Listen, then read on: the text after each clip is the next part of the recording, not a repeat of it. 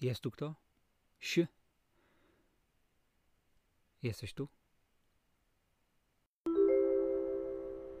Ukončete nástup do osobního vlaku číslo 6276. Vlak je připraven k odjezdu.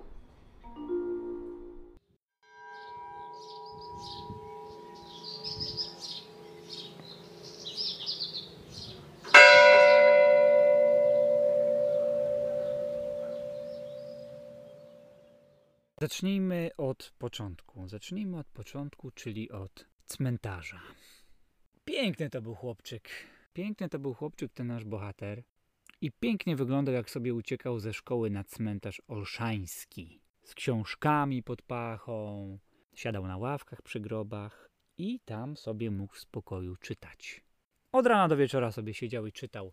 Służył do mszy żałobnych w kościele świętego Rocha, chodził z konduktami pogrzebowymi, błąkał się, wdychał dym świec i kadzidła. Potem znowu siadał, znowu czytał, gapił się na staruszki człapiące ze sprzątania grobów z grabkami, konewkami. Znowu czytał.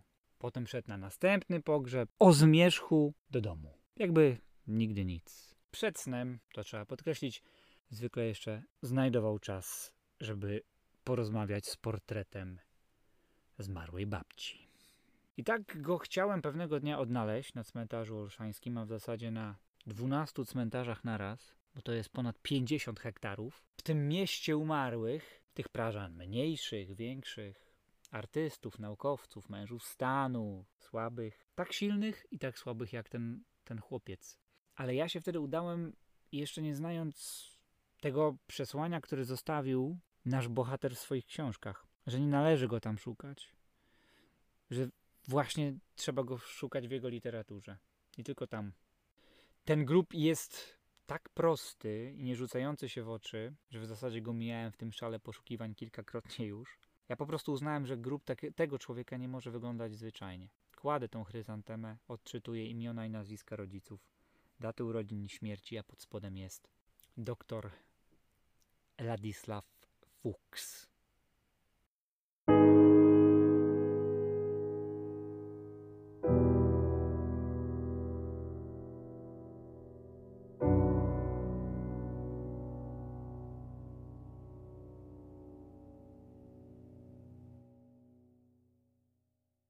Ladisław Fuchs, pisarz, bo on tutaj jest bohaterem dzisiejszego odcinka, mowa dziś będzie o jednym z największych, a ja osobiście twierdzę, to jest moje zdanie, największym pisarzu czeskim drugiej połowy XX wieku. Ten mały chłopiec e, z cmentarza olszańskiego, ten mały chłopiec czytający klasyków literatury narodowej, na przykład Erbena, cmentarne, on tam po prostu uciekał od swojej rodziny.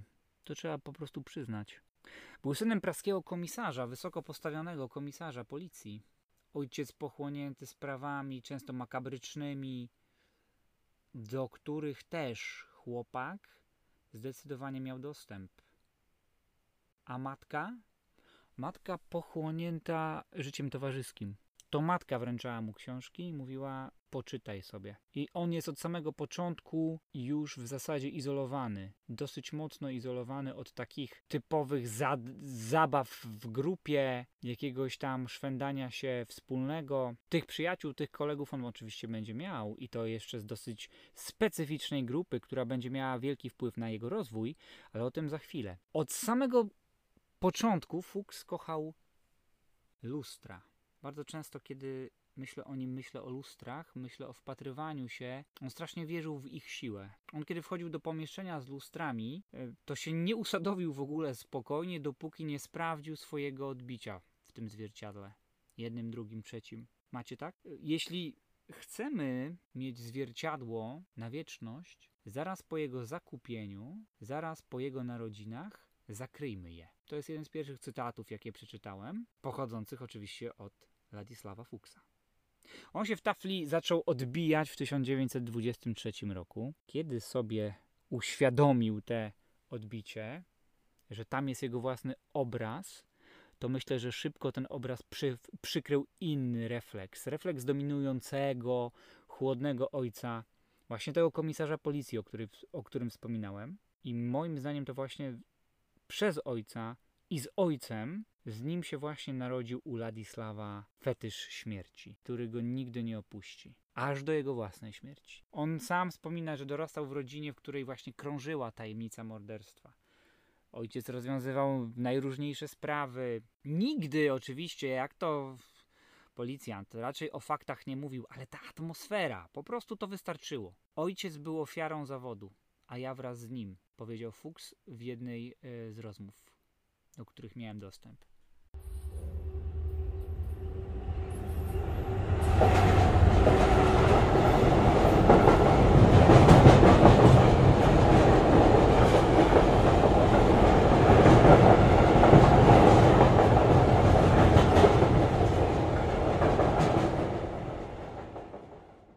Kiedy wybucha wojna, Ladisław ma 16 lat. Czy już wtedy przeczuwa swoją odmienną orientację? Na pewno słyszał już o ludziach, którzy trafiają do obozów z różowymi trójkątami na ubraniach. Ale przede wszystkim w gimnazjum zaprzyjaźnił się w końcu z jakimiś rówieśnikami i są to żydowscy rówieśnicy. On już przeczuwa, czuje, że jest zagrożony, że jest inny i garnie się do nich, do tych, których miał spotkać los najgorszy. Moi najlepsi przyjaciele z gimnazjum byli Żydami.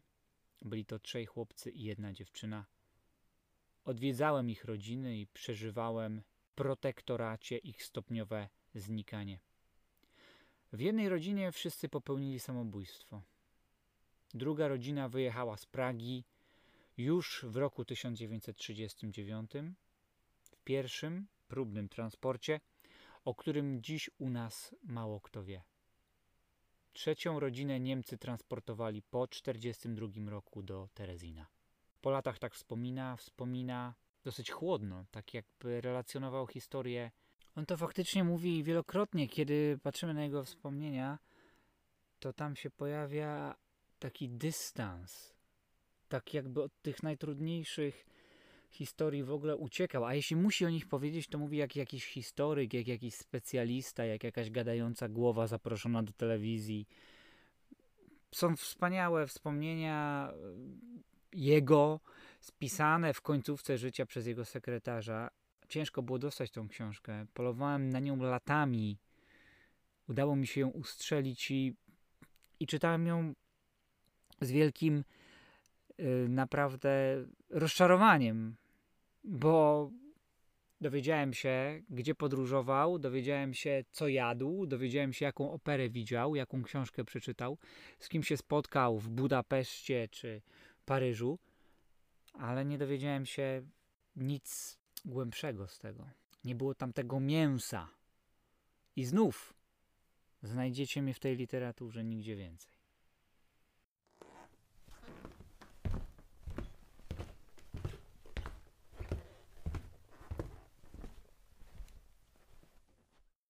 Dla wielu, którzy go znają, Fuchs jest pisarzem zamkniętym w swoim małym mieszkaniu na praskich Dejwicach, w którym mieszkał z matką przez całe życie i zamkniętym w ogóle jeszcze bardziej w swoim małym pokoju, który trzeba naprawdę dokładnie opisać, żeby zrozumieć o co, o co, o co w tym wszystkim chodzi.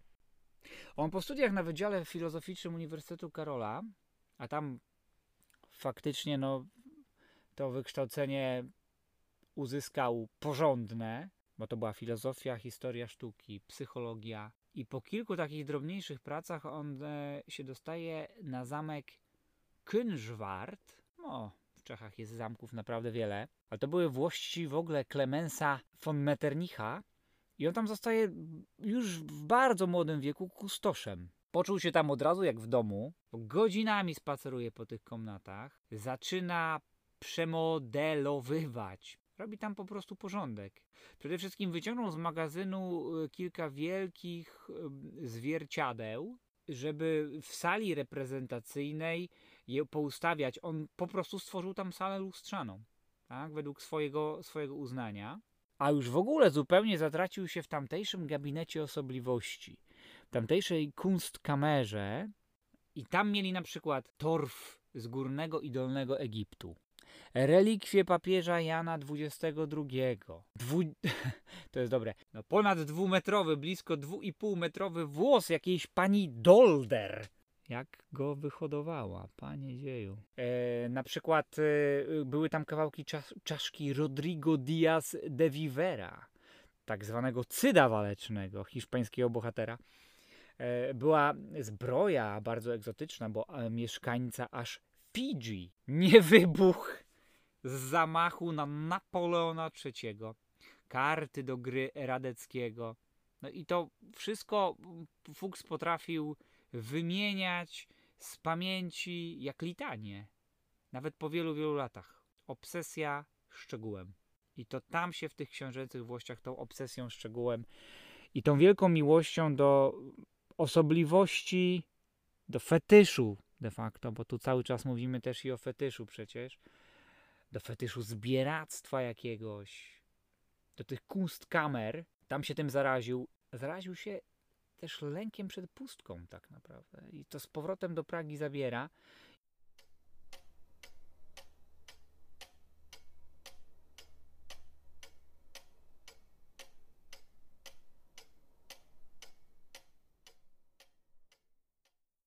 Nagle się strasznie rozwiało, ale to może nawet lepiej, bo gdzieś to pasuje do całej tej atmosfery. No, pierwsza wizyta dla każdego, kto dotarł do tego pokoju Ladisława Fuchsa w mieszkaniu na Praskich Dejwicach, to, to musiał być naprawdę szok. W ogóle o tym mieszkaniu, o tym pokoju, szczególnie o tym pokoju, krążyły niezliczone po Pradze plotki, e, a on je jeszcze podtrzymywał, przede wszystkim rzadko je dementował. Współtworzył tą legendę dziwaka. Ludzie na przykład mówili, że sypia w trumnie, tak?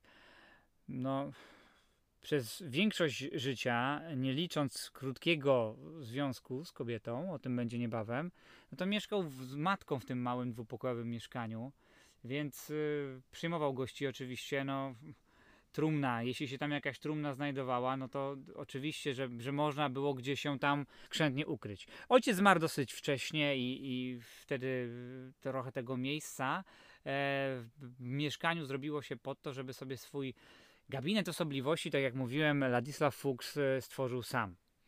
Mm, przede wszystkim ten pokój był zaciemniony, był strasznie ciemny z tego powodu, że zalepione były w nim okna. Nie było tam światła dziennego. E, dodatkowo e, jeszcze okna były zaciągnięte grubymi mm, zasłonami, tak? Cały pokój zawsze był oświetlany tylko i wyłącznie lampami. W specjalnie umiejscowionych lustrach odbijały się rozstawione przedmioty. Oczywiście znowu Fuchs aranżer, miłośnik luster sobie to wszystko tak poustawiał, że te przedmioty się multiplikowały, on się mm, multiplikował, jego goście się multiplikowali, masa różnorakich bibelotów, figurek, miłych jakichś tam pamiątek z podróży, sztuczne kwiaty, wypchana papuga w klatce, z którą Fuchs podobno rozmawiał, tak?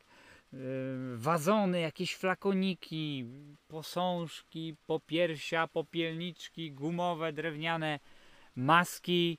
No to akurat dosyć ważny w jego przypadku y, y, rekwizyt. No, masa książek, wszystkie zagraniczne wydania jego powieści, ściany absolutnie pokryte obrazami, rycinami. No ale teraz się robi jeszcze gorzej, bo są ludzkie kości, kilka czaszek.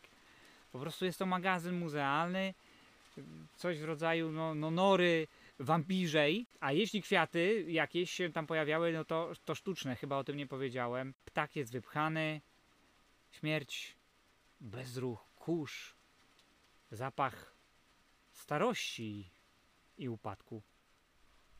I tylko tam Fuchs potrafił pisać, na długi czas się zamykał, wyciągał kabel od telefonu i tworzył.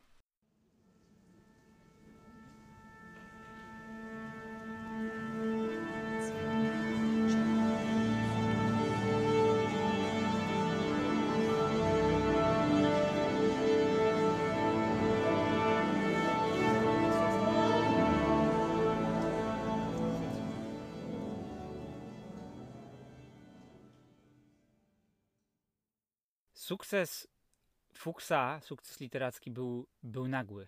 To był jak grom z jasnego nieba. Był absolutnie nieznanym wcześniej pisarzem.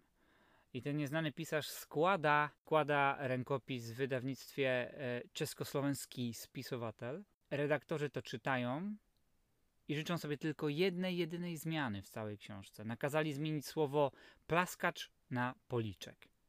To jest debiut piorunujący pod tym względem, jak szybko ta książka stała się popularna na całym świecie, tak można powiedzieć. Została w szybkim czasie, bardzo e, szybkim czasie przetłumaczona na wiele języków, a Fuchs stał się praktycznie z dnia na dzień znanym i szanowanym pisarzem. Książka nazywała się Pan Teodor Mundstock. Fuchs tutaj oddaje hołd swoim przyjaciołom i tej kulturze żydowskiej, w której się w jakiś sposób zatracił. To nie jest oczywiście ostatni element, y, który on przemyci do swojej twórczości, ale ten jest absolutnie jasny, czytelny, porażający, kawkowski, bo on przedstawia praskiego Żyda, pana Teodora Mundstocka, tak jak sam tytuł wskazuje, pedanta, schizofrenika, rozmawiającego z własnym cieniem, no, absolutnie szaleńca, który zawczasu przygotowuje się na, na nieuniknione nieszczęście. No, on już przewiduje, że zostanie odtransportowany do obozu. Tak? I przeczuwa tą nieuchronność. I Mundstock zaczyna się po prostu przygotowywać do tego zawczasu, będąc jeszcze w domu. Wymyśla sobie sposoby przeżycia w obozie koncentracyjnym, sypia na pryczy, nosi ciężki kufer, e, żeby, żeby się wprawić, żeby się zahartować, zmniejsza sobie racje żywnościowe i tak dalej, i tak dalej. Tak? I w ogóle tą swoją wiedzę jeszcze stara e, się przekazać innym, a tu przede wszystkim synowi e, swoich znajomych, którzy już zostali odwiezieni do obozu, mm, e, a on to przekazuje młodemu Szymonowi. Ta książka wydana w 1963 roku zyskała naprawdę wielką popularność. Ekranizacją tej powieści był zainteresowany Charlie Chaplin, e, Roman Polański podobno również, ale ani jednemu, ani drugiemu nie udało się, mm, nie udało się tej e, książki zekranizować. Wraz z sukcesem pisarskim przychodzi też e, dobry czas dla Fuchsa, jeśli chodzi o życie towarzyskie oczywiście, ale też i no powiedzielibyśmy y, uczuciowe, tak? On oczywiście absolutnie już wtedy musiał sobie zdawać sprawę z tego, że jest osobą o innej orientacji i w zasadzie tak naprawdę tutaj jeszcze raz mamy potwierdzenie tego, dlaczego tak mocno emocjonalnie zżył się z grupą, e, e, która była prześladowana. Ladisław Fuchs swoją przyszłą żonę spotkał w scenerii niczym z bajek Tysiąca Jednej Nocy. Ja się nie pomyliłem, mówię przyszłą żonę. Zdaje się, że postanowił jeszcze dać jedną szansę tutaj, tak można byłoby powiedzieć, Y, i spróbował związać się z kobietą. Z kobietą wyjątkową. Także w synagodze hiszpańskiej w Pradze, inspirowanej Alhambrą, to trzeba powiedzieć jasno, tamte wnętrza naprawdę olśniewają arabeską, sztukateriami. Polecam. E, tam Ladisław wygłasza wykład otwierający jedną z wystaw, e, wystaw Muzeum Żydowskiego. No i chwilę później, jak wspomina Arnold Lustig, E, on się tam otarł o rękę entuzjastki wszystkiego, co żydowskie w Czechach. Czyli poznał kobietę, która interesowała się tymi samymi tematami. Była to drobna, szczupła jak chłopiec. Może to jest ważne w tej całej historii. Giuliana Limiti. Giuliana Limiti pochodziła z bardzo bogatej rodziny włoskiej. Jej matka była Żydówką, E, a Juliana przyjechała do Pragi no, podziwiać e, zabytki, które tutaj nie zostały zniszczone w czasie II wojny światowej. Przede wszystkim najstarsza czynna synagoga w Europie. To była miłość od pierwszego wejrzenia. Nie miłość tylko i wyłącznie do Pragi i żydowskich, żydowskich e, zabytków, ale przede wszystkim do Ladisława Fuksa. Zwierzyła się Janowi Władysławowi, pisarzowi, tłumaczowi, że od samego początku Fuchs jej się jawił jako rycerz walczący o właśnie poniżonych, o odrzuconych. Cały czas jesteśmy tutaj w ramach tego wspólnego dla nich motywu. Od tej pory nazywa Ladisława Ladislao. Cóż, no musiał się zacząć chyba w końcu czuć dobrze w towarzystwie kobiety, bo on uwierzył, że, że to ma e, sens. Oni sobie mogą godzinami rozmawiać o sztuce, o kulturze żydowskiej, o literaturze. Fuchs ją oczywiście oprowadza jako lokalstwo po Pradze. No a ona w zamian za to zaprosiła Fuchsa do, do Włoch. No, nie mogła mu zrobić lepszego prezentu. Miłośnik sztuki, miłośnik włoskiej opery, miłośnik czerwonego wina, miłośnik wykwintnego jedzenia, no, do którego, umówmy się, w Czechosłowacji zbytniego dostępu nie miał, więc po prostu oszalał. Nie zwlekał długo, poprosił Giulianę Limiti o rękę, a był rok 1964. I myślę, że rozmach i tempo tego wszystkiego, jak to się wszystko rozgrywało, to by, to by zaskoczyło niejednego. Yy, Pamiętajmy o jednej yy, rzeczy, podkreślajmy to, ona pochodziła z bardzo wpływowej, wpływowej rodziny. Yy, W ogóle rzuciła się wir przygotowań, zaplanowała całą e, ceremonię w trzecim co do wielkości kościele świata. W miejscu, gdzie koronowano Napoleona Bonaparte na króla Włoch. W mediolańskiej Duomo di Santa Maria Nascente. Duomo di Santa Maria Nascente. No to oczywiście nie był oryginalny głos Władysława Fuksa, ale myślę, że e, mógł w szybkim czasie m, ten bardzo zdolny człowiek nauczyć się e, takiej włoskiej wymowy nazwy tego miejsca. No to jest kościół wyjątkowy, jeśli ktoś był e, i zwiedzał. Tam Mark Twain powiedział kiedyś, że to jest miejsce, które jest cudem, który przy całej swojej ciężkości może za jednym oddechem zniknąć jak szron.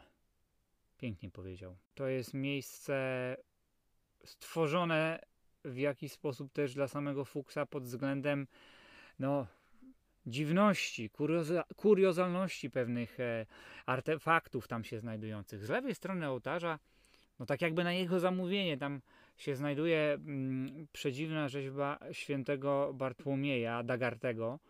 E, to jest Bartłomiej odarty ze skóry. Ale naprawdę z podkreślonym każdym mięśniem, niczym eksponat wyniesiony z Muzeum A, Anatomicznego, więc myślę, że tutaj Fuchs no, był w siódmym niebie. W ogóle oni mieli wszyscy, kiedy przybyli. Kiedy przybyli i zobaczyli tą blisko na 160 metrów długą świątynię. W ogóle już jeśli wierzyć Lustigowi, który y, był takim trochę ojcem chrzestnym tego związku i też był na miejscu w czasie ślubu, to Juliana jeszcze przed ślubem tak naprawdę już zaczęła im urządzać w Rzymie piękne mieszkanie, naprawdę piękne, bogate mieszkanie z kominkiem z białego marmuru. Może to będzie oddawało w jakiś sposób przepych i, i znowu podkreślało, o jakim poziomie tutaj e, mówiliśmy. Ona po prostu chodziła, załatwiała wszystko dla Ladislao i w końcu następuje ten moment tego przyjazdu mm, Ladisława z matką i już widać na pierwszych zdjęciach, jak wysiadają z auta, że chyba się jednak nie czują do końca pewnie, że czują się po prostu nieswojo. Oczywiście wszystko przebiega e, na samym początku bez zarzutu. Biskup odprawiający tą mszę ślubną odczytuje tylko dwa z ogromnej sterty mm, z ogromnej sterty telegramów gratulacyjnych, ale wybrał naprawdę takie od y, wysoko postawionych osobistości, a może nawet najwyżej, bo to jest telegram od komunistycznej partii Włoch, od przewodniczącego tej partii Palmira Togliattiego i telegram od papieża Pawła VI. Tak? Można? No właśnie.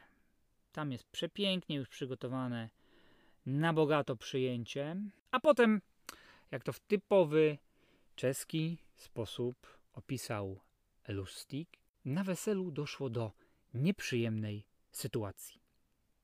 I chyba po prostu nie można bardziej, w bardziej eufemistyczny sposób się e, na ten temat wypowiedzieć. Ladisław Fuchs poznaje obsługującego na tym przyjęciu rumuńskiego kelnera, ucieka z nim do Rzymu, do tego mieszkania przygotowanego już przez Julianę. Kochankowie, a staną się nimi, zabierają ze sobą koperty z pieniędzmi dla nowożeńców. Kiedy Fuchs się budzi rano, nie znajduje ani chłopaka, ani pieniędzy.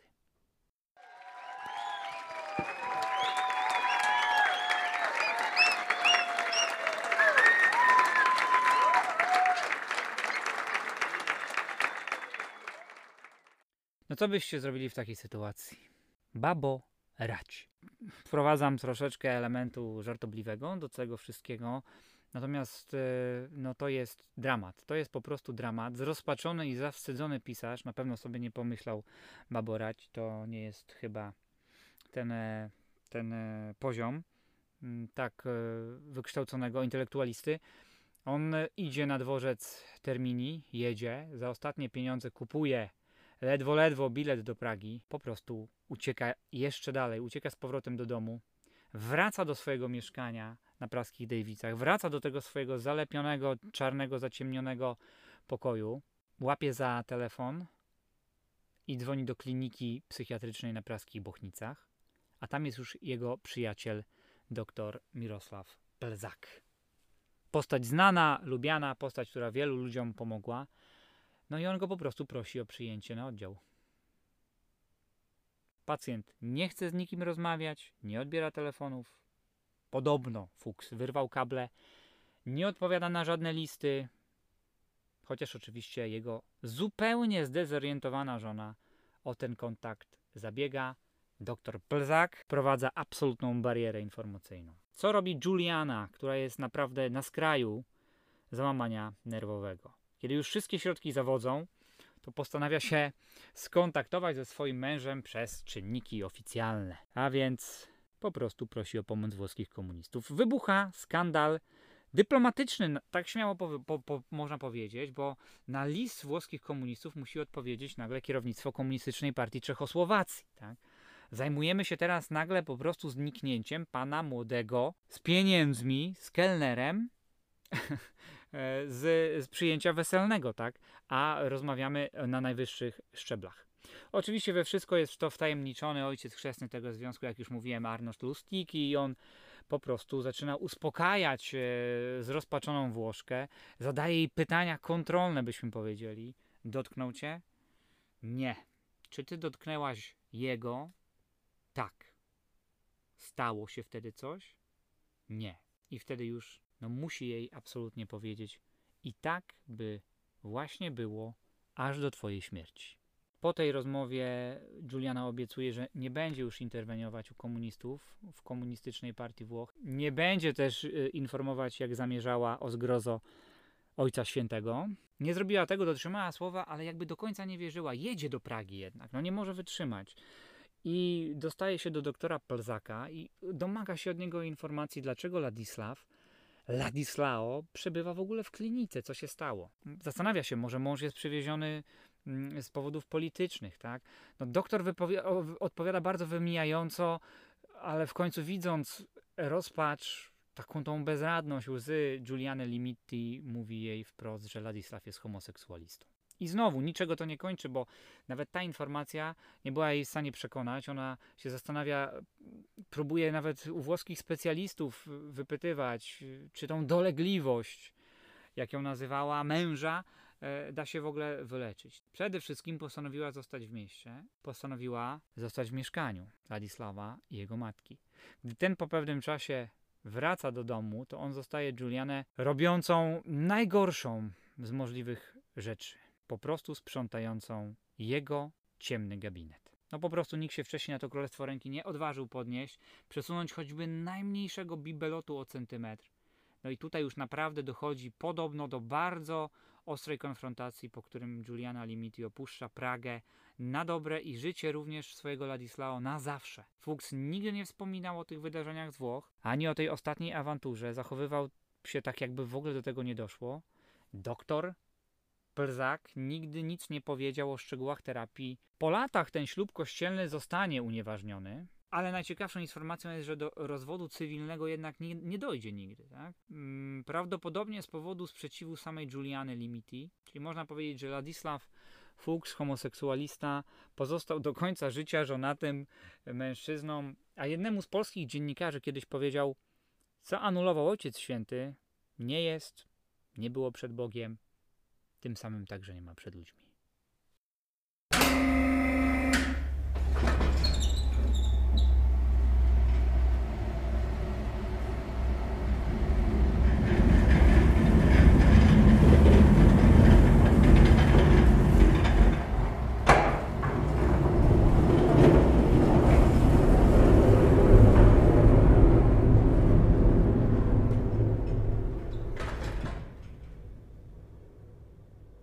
Fuchs nie osiada na laurach. To są dramatyczne wydarzenia, które na pewien czas na pewno go zupełnie odsuną od pracy pisarskiej, ale on do niej wraca. Wraca i w 1967 roku wypuszcza naprawdę wspaniałą rzecz. Osobiście uważam, że to jest jeszcze lepsze niż pan Theodor Mundstock. I co się z tym w ogóle będzie y, wiązało, w ogóle ferment twórczy, jaki, jaki to wytworzy, to jest to, to jest to, myślę, sytuacja jak najbardziej wyjątkowa. Chodzi o książkę Palacz Zwłok.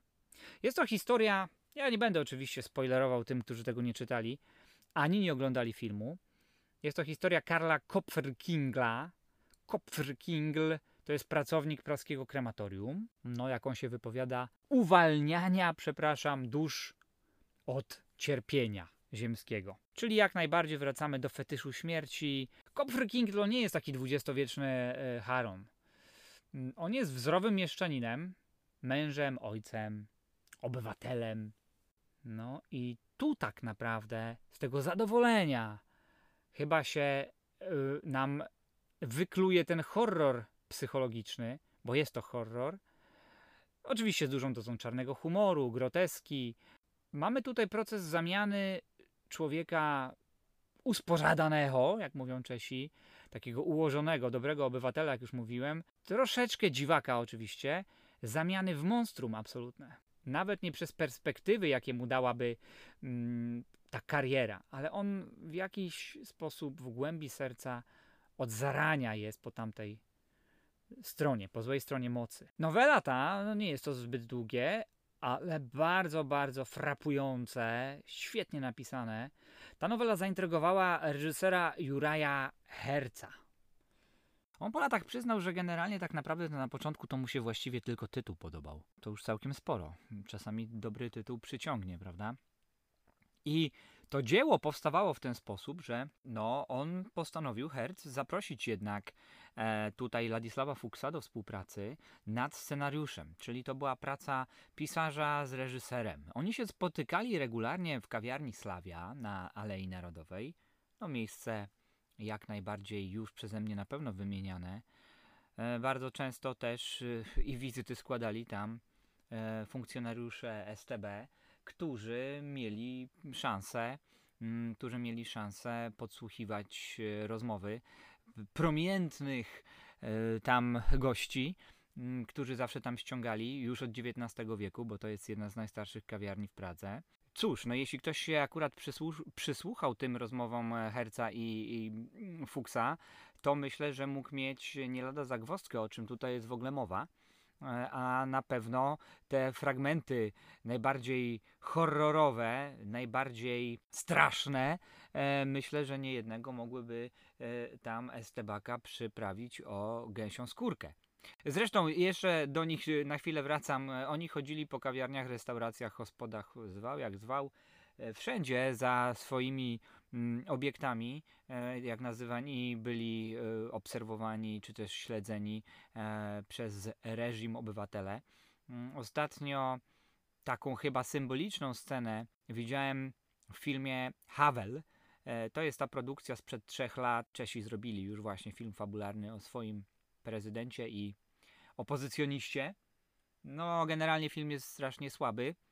Mm, On się sili na jakąś taką symboliczność miejscami. Obfituje w wydarzenia, mm, które nie miały miejsca, ale to oczywiście jest zawsze coś w rodzaju licencji poetyckiej, licencji scenariuszowej, reżyserskiej. Krótko mówiąc, e, no nie wiem, scena mm, jak Havel leje sobie e, po mm, sztuce swojej, premierze swojej sztuki, leje sika po prostu na e, ścianę, a za rogiem to samo robi Dubczek, Aleksander Dubczek na przykład. No masa jest tam oczywiście historycznych błędów, ale pewnie nie o to w tym filmie tak naprawdę chodziło, ale jedna jedyna scena z tymi estabakami, która naprawdę ma tą swoją symbolikę, to jest wtedy, kiedy Havel próbuje zaproponować swojej małżonce Oldze, jak i swojej kochance, właśnie trójkąt, by wszyscy zamieszkali razem. Really? Really? Really? Really? Really? a dookoła e, siedzą estebacy, no w zasadzie nie wiem, metr, półtora metra od ich stolika i wszystkiemu się e, z kamiennymi twarzami przysłuchują. Ktoś dobrze to kiedyś nazwał. Chyba Paweł Kochout e, pisarz, e, że to byli ludzie o rybich oczach. Także ci ludzie o rybich oczach łypali sobie, myślę, jak najbardziej. No na kogo? No na Fuchsa z Hercem co tydzień w Slawii. Generalnie Fuchs był takim wdzięcznym współpracownikiem, bo on się w zasadzie zgadzał na wszystkie zmiany bez mrugnięcia okiem. On był w ogóle zadowolony, że sobie może w ładnym lokalu posiedzieć, w miłym towarzystwie. Herc go wprowadzał do świata filmu. Zapytałem, czy kiedykolwiek widział, jak się kręci film. Tu cytuję oczywiście Juraja Herca. Przyznał, że nie wie, więc go zaprosiłem. Był jak dziecko. Choć był pisarzem, żył poniekąd poza rzeczywistością. A może właśnie dlatego przypis ode mnie. Przyszedł, usiadł w fotelu, a kiedy po ujęciu jakiegoś szczegółu powiedziałem stop, zaczął klaskać. Jak w teatrze. Po prostu myślał, że tak się to robi przy filmie. No, cóż, Herz jeszcze gorsze rzeczy będzie na Fuchsa potem już po jego śmierci wygadywał. Fuchs miał zastrzeżenia tylko w jednym momencie, ale dosyć kluczowym. Nie podobał mu się odtwórca głównej roli. No trudno sobie teraz wyobrazić po latach, żeby palaczem nie został Rudolf Chrusiński. Genialna rola. Jedna z wielu genialnych roli tego genialnego, genialnego, genialnego aktora. Ale Fuchs sobie wymyślił, że to będzie szczuplejsza postać. Z długimi rękami, nogami. No tutaj on oczywiście już wprowadza elementy jak dla siebie mm, no, najbardziej charakterystyczne i lubiane, żeby ta postać troszeczkę bardziej straszyła niż śmieszyła, ale Chrusiński to zrobił też doskonale, jak najbardziej. Tą twarz, żeby miał podłużną, on takie miał wyobrażenie i marzył mu się aktor Józef Kemr, jeden z najbardziej też znanych czechosłowackich aktorów. E, Kto nie widział jakichś filmów z Kemrem, to niech sobie go znajdzie w internecie. Mniej więcej dla porównania. Ja myślę, że nie jesteśmy w stanie sobie Karla Kupferkingla teraz wyobrazić, żeby, żeby nie został zagrany przez Chrusińskiego. Żył w swoim świecie, mówi e, Herz o Fuksie, absolutnie nierealnym. Absolutnie nierealnym i nieprawdziwym. Ciężko naznaczony swoją nekrofilią i homoseksualizmem. Ale takim tym niebezpiecznym rodzajem, że i homoseksualiści go unikali. Okna zalepił tapetami, wszędzie miał rozwiesz- rozwieszone kości, w pokoju miał trumnę, do której się kładł. Istotnie kochał zwłoki. Przy filmowaniu niezwykle go interesowało, jak to będzie z nieboszczykami, czy będą prawdziwi, czy będą statystami, będą się ruszać, czy, czy przykładowo mrugać oczami. Mówiłem mu, kiedy przyjdziesz, Ladziku, pokażę ci to, a potem cię zamknę do pomieszczenia, gdzie będziesz mógł z nimi być. Był zachwycony. No tak wspomina cały czas Herz, przywoływany przeze mnie w swojej e, biografii, a w zasadzie jest to wywiad Bohdana Slamy e, z Jurajem Hercem. Tam e, takie e, refleksje, e, takie refleksje z czasów nagrywania spalacza, palacza, spalowacza. Spalowacz mrtwol po czesku, palacz zwłok, mi się to czasami myli. E, Herz e, przytacza takie refleksje i wydaje mi się, że no jest tu troszeczkę niesprawiedliwy. Znajomi, którzy słyszeli te plotki o Fuksie, że niby ma trumnę w tym swoim małym pokoiczku i że w niej śpi, no to też go często pytali już w końcu, no powiedz, jak to jest z tą trumną? No i on się tak zawsze długo zastanawiał i mówił, tak, ale w łóżku też. Śpisz w tej trumnie? No w łóżku też. No dobrze, no, no, no tak to po prostu wyglądało z nim i on podtrzymywał tylko tą legendę. Ja myślę, że to jest tą nekrofilią. Hmm, no troszeczkę przesadził Herz, chociaż kto wie, no spędzał z nim tyle czasu. Zdjęcia realizowano w krematoriach na praskich Sz- Strasznicach, e, w krematorium w Pilźnie, w krematorium w Pardubicach. To jest to krematorium, które się tam pojawia e, dosyć często. Charakterystyczna, m, taka rogalikowa, jak się to często mówi, architektura. e, Wtedy z lat e, 20., 30., albo taki styl słowiański. Chociaż to troszeczkę z daleka przypomina, no sami zobaczycie generalnie, kto był to wie. Pardubickim e, krematorium jak się pozwiedza, bo można tam też to miejsce odwiedzić, to można sobie jako suwenir kupić zapałki. Ja myślę, że to jest świetny pomysł. Ale nie, już tak na poważnie, e, to jest, to jest architektura, która budziła wtedy kontrowersje, szczególnie wśród funkcjonalistycznych e, architektów, ale to jest Paweł Janak. To jest jednak Paweł Janak, to trzeba zobaczyć. To jest rondokubizm. No, tych krematoriów nie zamykano. Te zdjęcia realizowano przy pracy tych krematoriów, A w trumnach leżeli zmarli, tak? Czekający na kremację. Kręcono latem. We wnętrzach co się mogło unosić? No, unosił się zapach lizolu, zaduch i ten trupi smród. A z powodu niektórych eksperymentalnych e, ujęć, no to część tych e, lodówek trzeba było opróżnić i wystawić zmarłych na zewnątrz. Tak? A akurat te eksperymentalne ujęcia to y, ci, co nie widzieli, muszą zobaczyć, a ci, co już widzieli, to sobie powtórzą. Tam odgrywają absolutną e, kluczową rolę, tworzą atmosferę tego filmu. To wszystko bardzo często też jest potraktowane rybim okiem przez Stanisława e, Milotę, o którym za chwilę jeszcze powiem, bo będzie on bohaterem następnych fragmentów tego m, odcinka. No, wyobraźcie sobie, tak? Opróżniamy, wystawiamy na słońce, z powrotem z nimi wracamy. Ja myślę, że to, myślę, że sam Fuchs by tego nie, nie wymyślił. Ciężko było znosić tą atmosferę, więc e, rekwizytor wpadł na taki genialny pomysł, żeby troszeczkę poprawić tę atmosferę, no i stworzył coś w rodzaju leśnego zapachu, który rozpraszano. Herz potem wspominał, że do końca życia, jak gdzieś słyszał podobną, e, przepraszam, czuł podobną woń, no to reagował absolutnie ze wstrętem i odrzutem. Tempo zdjęć było ogromne, Nikt nie chciał po prostu się zatrzymywać w tych krematoriach na dłużej, niż to było e, po prostu konieczne. No i to wymagało wielkiego poświęcenia od członków ekipy. Najgorzej pobyt w tym wszystkim wspomina właśnie Jiří Menzel, reżyser i aktor, który w tym filmie zagrał. Bo on był, jak twierdzi, przez cały czas na skraju wręcz załamania nerwowego, co znów tylko chyba e, przy realizacji tego filmu i końcowym efekcie pomogło, prawda? On się nawet nie pozwalał nikomu dotknąć, tak? Tak się czuł. No a w scenie powieszenia, spoiler alert, to zemdlał naprawdę. No cóż.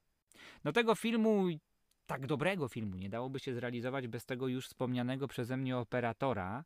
Był to Stanisław Milota, no a jego żona, bardzo znana i lubiana, kochana aktorka, Własta Hramostowa, wcieliła się w postać Marii Kopfrkingl, a więc małżonki naszego pracownika krematorium. Milota stworzył przede wszystkim e, bardzo dokładny scenariusz techniczny filmu E, i wymógł na Hercu, żeby to był film czarno-biały. Herz wcale nie był co do tego przekonany.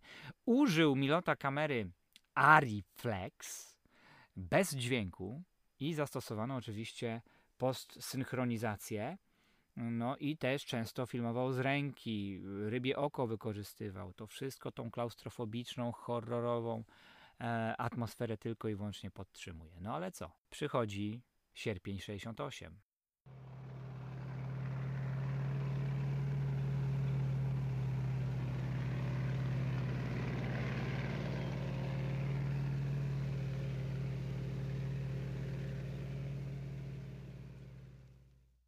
I Milota, Stanisław Milota z tą samą kamerą, którą e, filmuje Palacza Zwłok, który zrealizował zdjęcia do Palacza Zwłok już wtedy, wyrusza na ulicę Pragi, by filmować wjazd Układu Warszawskiego. No wyobraźmy to sobie, prawda? Przełóżmy sobie to teraz. Ten język wizualia Palacza Zwłok Juraja Herca na to, jak ten film jak te ujęcia, jak te zdjęcia z praskich ulic mogłyby wyglądać. No, jego wypad niemalże zakończył się tragedią, bo zabłąkana kula sowiecka rykoszetem trafiła w obiektyw tej kamery Ariflex. Służba bezpieczeństwa e, prowadziła dochodzenie, by ustalić, jak w ogóle e, dużo tego materiału zrealizowano i przede wszystkim, kto ten e, materiał zamierza wysłać za granicę i wysłał za granicę. Stanisław Milota i jego małżonka, Własta Hramostowa, no co musieli? No musieli absolutnie zakończyć swoje kariery. Kariery, które były w pełnym rozpędzie, prawda? Absolutnie zostali usunięci, wycięci z przemysłu filmowego, a scena spalacza zwłok, w której Chrusiński, spoiler alert, wiesza właśnie panią Włastę, swoją małżonkę Marię w łazience, no faktycznie na wiele lat stała się dla Chramostowej ostatnią sceną, ostatnim ujęciem. No chyba lepszej symboliki tutaj e, nie trzeba. Ta atmosfera praskiej wiosny się udzieliła Hercowi, udzieliła się wszystkim oczywiście, tak? Ale on już w 69 roku, jak troszeczkę delikatnie kurz opadł, postanowił nakręcić nową scenę końcową Palacza Zwłok. Tak y, jak i Milota wyszedł z kamerą na praskie ulice. No i co wymyślił? Na ulicach Pragi sowieckie czołgi, ostrzelana fasada Muzeum Narodowego, faktycznie została ostrzelana. Tłum zdruzgotanych ludzi na placu Wacława stoi, a nagle między nimi widać uśmiechniętą twarz kogo? Pana Kupferkingla w wykonaniu oczywiście Rudolfa Rusińskiego. No tą scenę miał skomentować Stanisław Milota. Wielu jest ich między nami. Oczywiście władza takiej prowokacji znieść nie mogła. Scenę wycięto, absolutnie. No a film krótko po premierze zostaje zakazany.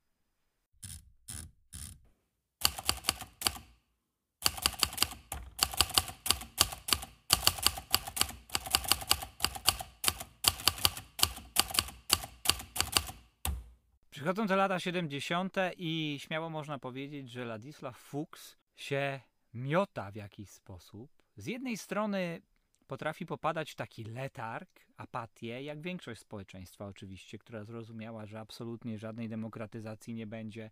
Zresztą zrozumieli to pewnie już w pierwszych minutach inwazji. Podochodziło do ludzi, że partia zapewni marchewkę, w sensie symbolicznym mówię, klit na pracy, czyli spokój do pracy i tak na spokojnie w znormalizowanych stosunkach społecznych będziemy sobie żyli do końca życia i do końca świata, prawda? Tak by to można było powiedzieć. Havel chyba dobrze to kiedyś określił czasem takiego bezruchu. On mówił o bezczasie de facto. W jaki sposób też w to wpada Ladisław Fuchs. Pewnie mocno przygnębiony tym, co zobaczył. Zdaje sobie też sprawę, że on również korzystał z tych złotych lat 60. dla kultury przez pryzmat swoich wyjazdów, podróży, że no, będzie się za nim ciągnęła cały czas ta afera z małżeństwem i jak za chwilę zobaczymy, ma rację. Dwa, jego matka zaczyna chorować, on cały czas z nią żyje, no a ona zaczyna mieć problemy mm, natury psychicznej. Zresztą Ladisław Fuchs się przez całe swoje życie badał, Miał stały kontakt e, z psychiatrami, nie tylko z tym e, znanym, słynnym psychiatrą Plzakiem, o którym już była mowa, który go leczył, ale potrafił wysyłać swoje książki, potrafił potem dzwonić e, do tych psychiatrów, swoich znajomych, pytać o ich refleksje na temat nowego dzieła. Bardzo mocno się obawiał, bardzo mocno się obawiał, że skończy tak jak swoja matka. Zresztą tam w rodzinie też były różne historie związane z chorobami e, psychicznymi. A po, po drugie, w tej sytuacji z matką, on postanowił, że nie opuści Czechosłowacji, chociaż był na zachód oczywiście zapraszany. Na przykład przez szwajcarskiego e, pisarza, dramaturga Mata, bo tak jak już mówiłem, pan Teodor Mundstock czy Mundstock e, generalnie zapewnił mu sławę, tu śmiało można powiedzieć, na całym świecie nie byłoby pewnie problemu, e, żeby on też ze znajomością języków się tam odnalazł ale jednak dla matki zostaje w tym ciaśniuteńkim, w tym za, zasłoniętym pokoiku, swoim małym gabinecie i pisze dalej. Na początku to w ogóle chce stworzyć, jako osoba przez całe życie głęboko wierząca, już chyba o tym wspominałem, chce stworzyć e, dzieło o e, życiu Chrystusa. Czyli co ta okupowana Palestyna przez Rzymian jako tutaj e, okupowana Czechosłowacja. No, Wielu się doszukuje w książkach Fuchsa tych wszystkich e, metafor, tych wszystkich symboli. Nie wiemy, nie wiemy, ale człowiek wierzący głęboko, tak jak Fuchs, przez całe swoje życie, myślę, że spokojnie taką książkę mógłby skończyć. E, na początku lat 70. i w ogóle przez lata 70. to mm, ten wiecznie chowający się, uciekający Ladisław Fuchs, przed nami też, jako przed tymi, którzy mogą śledzić jego losy, przestaje być rozumiany przez swoich znajomych i przyjaciół, bo on się tak jak obawiał o tą chorobę mm, psychiczną, to wiele osób naprawdę zaczęło zastanawiać się, czy faktycznie go to nie dopadło. Zaczyna mm, nagle nic tego nizowego chwalić nie, Gustawa Husaka, tak? A za chwilę nie pozostawi na reżimie suchej nitki. Pojechał na urlop do Bułgarii, po powrocie się zachwyca mądrością Teodora Żywkowa nagle, prawda? Aby Potem za kilka dni w wywiadzie prasowym się zastanawiać i ubolewać nad tym, że, że ludzie w demokracji ludowej nie mogą sobie zobaczyć takiego filmu jak e, Doktor Żywago, tak jak ci widzowie na zachodzie. No to tak by, tak by to w jakiś sposób wyglądało, tak? Można się zacząć zastanawiać. Ewa Kanturkowa, pisarka, oceniła, że on sobie wymyślił, że będzie takim łącznikiem pomiędzy tymi nieprzyjacielskimi środowiskami, tak? Uratuje nie tylko siebie, ale też i przysłuży się innym, tym, tym wykluczonym. To jest znowu u niego to jakieś takie współodczuwanie z tymi, którzy są wykluczeni, którzy są ciemiężeni. Na początku nie musiał wiedzieć, że w polu magnetycznym totalitarnej władzy, cytuję Kanturkową, do którego wstępuje z nadzieją, szanse mają tylko nosiciele zła. Podobno prowadził dziennik. Podobno prowadził dziennik, wyszło z tego kilkanaście zeszytów. To był taki tajny dziennik, to nie są notatki, e, które się zachowały i zapisywał w nich to, co powiedział agentom STB. Czyli, żeby go pamięć nie zawiodła, one nie zostały odnalezione, choć kilka osób, niezależnych od siebie, potwierdza istnienie, istnienie e, takich e, zeszytów. E, tak naprawdę trudno powiedzieć, kim dla STB, dla służb bezpieczeństwa był, e, był Ladisław Fuchs. Pamiętajmy o jego wielkiej aferze o tym wielkim skandalu, o tym, co stało się w Mediolanie, e, we Włoszech, e, o tym, że przecież musiała interweniować komunistyczna partia Włoch. Od 1961 roku w Czechosłowacji homoseksualizm e, nie był już co prawda karalny, no ale w przypadku osoby publicznej taką wiedzą na temat orientacji seksualnej absolutnie można było szantażować i zastraszać. No, szantażowano i zastraszano nie takimi sprawami. Tak?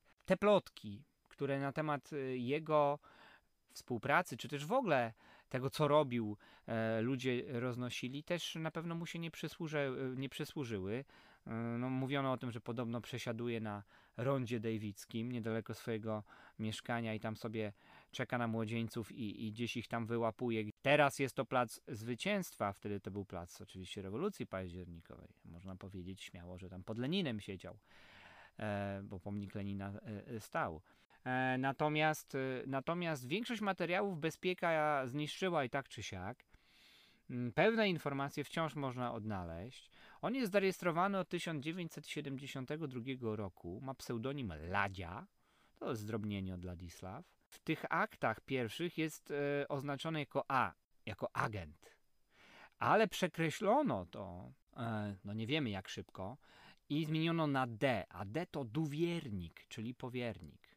Powiernikami to były, e, były osoby, które często one nawet nie wiedziały o swojej roli, że są powiernikami. Miały po prostu kontakt z kimś albo były wciągane do współpracy na różne sposoby, bez podpisu lojalki, bez podpisu lojalki. Tak mogło być z Fuksem, że on coś tam podpisał, natomiast e, przekazywał takie informacje, które sobie jeszcze dodatkowo skrzętnie notował, które to no, po prostu i tak czy siak nie, przy, nie, nie, nie miały żadnej wagi.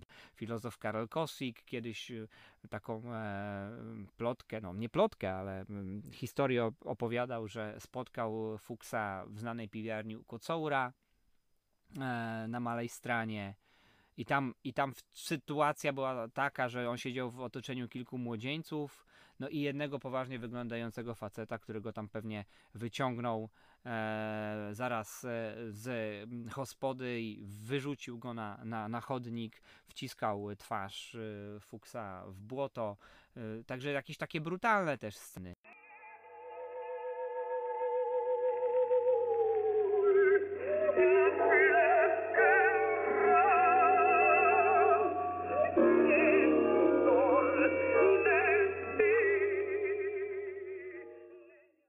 To sprawia, że Fuchs przez wiele lat, już po upadku komunizmu, już przez wiele lat był odbierany, jeszcze przez wiele lat był odbierany, to chciałem powiedzieć, odbierany właśnie przez pryzmat tej jego normalizacyjnej twórczości. Bo mm, no, tam są książki dobre, ale też bardzo, bardzo słabe. I są też książki pisane na zamówienie, jak najbardziej. Tak można śmiało powiedzieć. Będąc teraz na wystawie w Letochradku Chwiezda jesienią, ze znajomym na wystawie z okazji e, właśnie setnej rocznicy urodzin pisarza. No to przy jednym ze zdjęć e, mój znajomy powiedział, on faktycznie wygląda jak komunistyckiej papalarz. Pa, palarz to jest, albo czasami mówiło się też y, chlawoun. No, to jest taka ta głowa prosięca, jak młodzi chłopcy w latach 80. przeciw e, reżimowi e, chłopcy oczywiście mówili. E, to jest po prostu taki bonzo funkcjonariusz z wysokiego szczebla, spokojnie z Komitetu Centralnego, ze ścisłego politbiura, byśmy powiedzieli. I on faktycznie, Fuchs, tak się na tych spotkaniach autorskich, na tych jakichś wystąpieniach, konferencjach po prostu jawi, tak? E, no, musiał napisać e, na pewno na zamówienie e, taką e, rzecz, e, która się nazywa kryształowy pantofelek. Kryształowy pantofelek to jest nic innego jak historia młodości e, i dorastania dziennikarza, komunisty zabitego przez nazistów i otaczanego kultem, w zasadzie symbolu e, czasów e, komunistycznych Juliusa Fucika. E, on napisał, napisał coś takiego jak reportaż e, z Podszubienicy. To, że został zgładzony, a według niektórych wersji, to jest w ogóle ciekawa postać, według niektórych wersji to jako agentowi NKWD udało mu się uciec do Ameryki Południowej. No ale uznajmy, że już go tutaj nie ma, więc to był idealny w ogóle mm, e, e, osobnik, idealna postać do tego, żeby z niego zrobić bohatera narodowego. Takiego bohatera, e, bohatera narodowego, który już nic nie spieprzy, który się już niczym nie poplami, no bo, bo, bo nie żyje. I to, jak został rozwinięty ten kult, od nazw ulic, przez specjalne medale jego imienia, nazwy budynków, e, przez specjalne obchody, filmy, książki i tak dalej, i tak no to bądźmy szczerzy, no. To jest coś niebywałego. Takim kultem, takiego przodownika, można powiedzieć, otaczano właśnie w Czechosłowacji i gdzieś po wielu, wielu latach, po wielu, wielu latach, po dekadach w to się wpisuje w, tej, w tym nowym neostalinizmie w czasie normalizacji Fuchs. Więc trochę trudno potem się dziwić, że zapomina się o tych dobrych rzeczach, które zrobił w latach 70., 80., na początku lat 90., no to śmiało można powiedzieć, że on popada w zapomnienie. Do swojej śmierci w 94 roku to jest, to jest postać, z którą raczej niewiele osób chce mieć do czynienia. Ten jego sekretarz Tuszl się nim opiekuje jak własnym ojcem, jeździ z nim na wycieczki, stara się, żeby on jednak spędzał czas na świeżym powietrzu, a nie tylko palił i siedział w tym pokoju, prawda, i tak dalej, i tak dalej. Zabiera go do rodziny, na obiady, na kolacje. No jakoś mu ten czas organizuje, ale mm, na pewno nie jest łatwo, no bo on jest przyzwyczajony też do czegoś zupełnie innego. To jest człowiek, który stwierdził, że on zostaje, a jeśli zostaje, to chce pisać, a jeśli chce pisać, no to musi jakoś z tym reżimem sobie e, dawać radę, tak? Dlatego, dlatego w ten sposób lawiruje.